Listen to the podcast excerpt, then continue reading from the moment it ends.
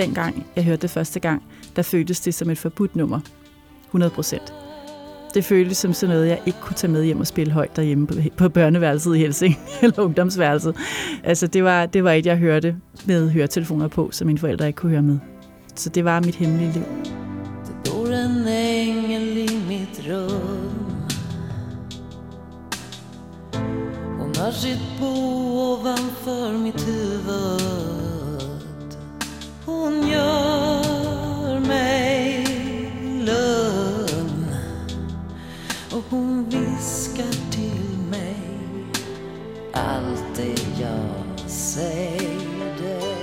Jeg hedder Leonora Christina Skov.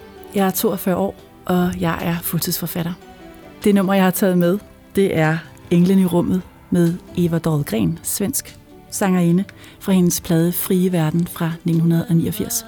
Jeg havde en dagplejemor, da jeg var lille, der hed Eleanor, som jeg anså for at være min mor, og som jeg tilbragte ufattelig meget tid med. Hun blev skilt, da jeg var 8,5 og forsvandt ud af mit liv. Og da jeg var, da, da jeg var 16, så ringede hun til mig og spurgte, om vi ikke skulle ses igen. Og hun var så blevet gift, viste sig med en anden kvinde, der hed Dorte, som var bodybuilder og harpenist. Og jeg kom på besøg i deres hus i Græsted, og det var meget, meget eksotisk. Jeg havde aldrig mødt et lesbisk par før. Og Dorte, hun spillede det her nummer for mig, og sagde, du skal virkelig lytte til det. Og det gjorde jeg så. Og så var det meget tydeligt, at den her kvinde sang til en anden kvinde. Hun sagde hun, i stedet for han. Og det var første gang, jeg havde hørt et stykke musik, hvor det var kvinder, der sang til hinanden. Og jeg tænkte, hun kunne se lige igennem mig. Jeg tænkte, hun kunne se det også for mig. Men vi snakkede ikke om det. Det kittlar och du såg att jag låg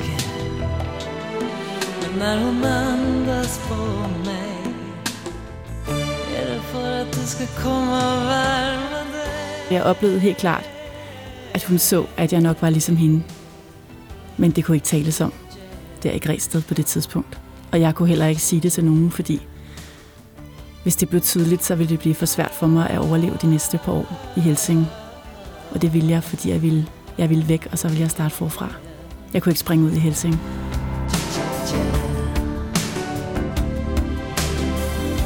Och jeg är med alt det andre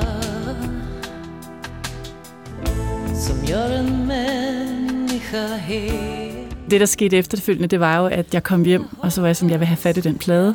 Øh, Det var en CD, og det kunne jeg ikke få, fordi den var ikke nede i Fona i Helsing. Det var noget med at vente, til vi skulle på vores årlige tur til København.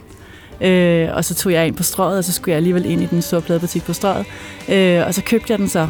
Meget gedult føltes det. Det var helt tydeligt for mig, at det her var ikke et nummer, der var kommet få hjemme hos mig. Hun lød ikke som en heteroseksuel kvinde, hende her. Altså situationerne, hvor jeg lyttede til det her, var helt klart efter jeg var sprunget ud, da jeg var flyttet hjemmefra til den her lille lejlighed på Norskade, hvor jeg boede i mine 20'er. Og mine forældre havde slået hånd med mig, og jeg havde ikke nogen familie rigtig tilbage. Udover måske min mormor, og jeg var meget bange for, at min mor skulle dø på grund af mig. Øh, fordi det troede hun med. Og øh, der hørte jeg det her nummer. Og det fik mig til at føle mig mindre alene. Der var ikke særlig mange lesbiske kvinder, der var ude af skabet på det tidspunkt. Øh, især ikke i medierne og sådan, så jeg, jeg, jeg havde bare brug for nogle forbilleder. Så det føltes som om, at vi var to, Eva og mig. Jeg blev ved med at komme hos Elinor og Dorte, men jeg måtte ikke for mine forældre. De opdagede, at de var lesbiske, og de ville ikke have, at jeg omgik dem af den grund. Øhm, så jeg besøgte dem i smug. Det var ikke altid, de var hjemme, for jeg kunne heller ikke ringe og se, om de var hjemme, fordi min far tjekkede alle telefonregningerne for at se, hvad for nogle numre jeg ringede på. Øh, så det var sådan lidt hit and miss. Men øh, da jeg flyttede, blev det sværere at besøge dem, fordi jeg kunne simpelthen ikke holde ud at komme nær Helsing. Jeg fik det simpelthen fysisk dårligt, og havde det som om, jeg skulle blive kvalt. Øh, så i mange år, der så jeg dem ikke så meget. Der ringede vi sammen, og så sendte jeg postkort, når jeg var ude at rejse. Og de har også læst min nye bog, de er med i den begge to, så jeg sendte den selvfølgelig til dem, inden den udkom. Og hun beretter for dig Hur mycket Jeg mødte Eleanor øh, lige efter, at bogen var udkommet, fordi jeg skulle til Helsing, Gud hjælp mig, og signere den lokale Arnold Busk. Og der stod hun nede i boghandlen som den første og sagde hej til mig. Der havde jeg ikke set hende i mange år. Jeg var meget rørt over at se hende igen. Det var tydeligt, at livet havde været hårdt ved hende. Hun havde også været syg. Og jeg tror, det må være 15 år siden, jeg havde set hende sidst. Dog det var ikke med, så det var bare hende. Og hun virkede sådan enormt glad for, at det var gået mig godt. Og jeg var også glad for, at hun stadig var i live. Ikke? Så det var, det var meget rørende. Mens jeg skrev den her bog, øh, Den, der lever stille, der skrev Dorte faktisk til mig, at øh, hun havde faktisk lige hørt det her nummer igen med Eva Dahlgren, og det mindede hende om mig. Hvilket var ret grotesk, for det var sådan, hey, lige over.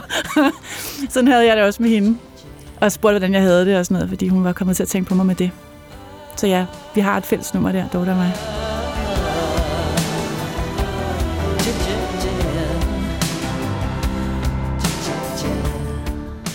De numre, som har gjort særligt indtryk på mig gennem årene, der er jo nogle stykker. Jeg tror, alle kan lave sådan et soundtrack med måske 25 sange, der har været sådan helt afgørende. Dem har jeg hørt sindssygt mange gange, mens jeg skrev, for at komme tilbage i stemning, for sådan er det med musik, ikke? Så bliver man virvet tilbage i, i tiden. Så det har jeg også gjort. Og det her nummer er også nævnt i bogen, øh, som et af dem for den der scene, hvor, hvor Dorte spiller det for mig, er med i bogen.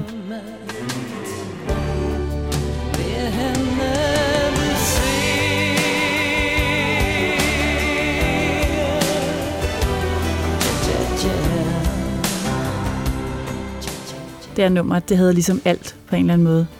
Ligesom både de høje, de lave, og den der dybde, og den der intensitet. Sådan har jeg det stadigvæk med det. Så kommer jeg tilbage i følelsen af, at øh, altså det der parcelhus i Græsted, og Dorte, der sidder og kigger på mig, og mig, der sidder og kigger på, jeg ved ikke hvad, og tænker, gud, hun kan se det igennem mig, eller kan hun, eller hvad sker der, eller hvad er det, hun synger, eller ja, den der følelse af, men også en ro, fordi Eva Dahlgren havde overlevet, ikke?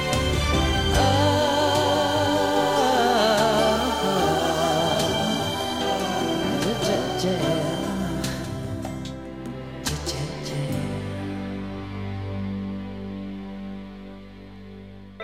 podcast blev produceret af Biblioteket Frederiksberg.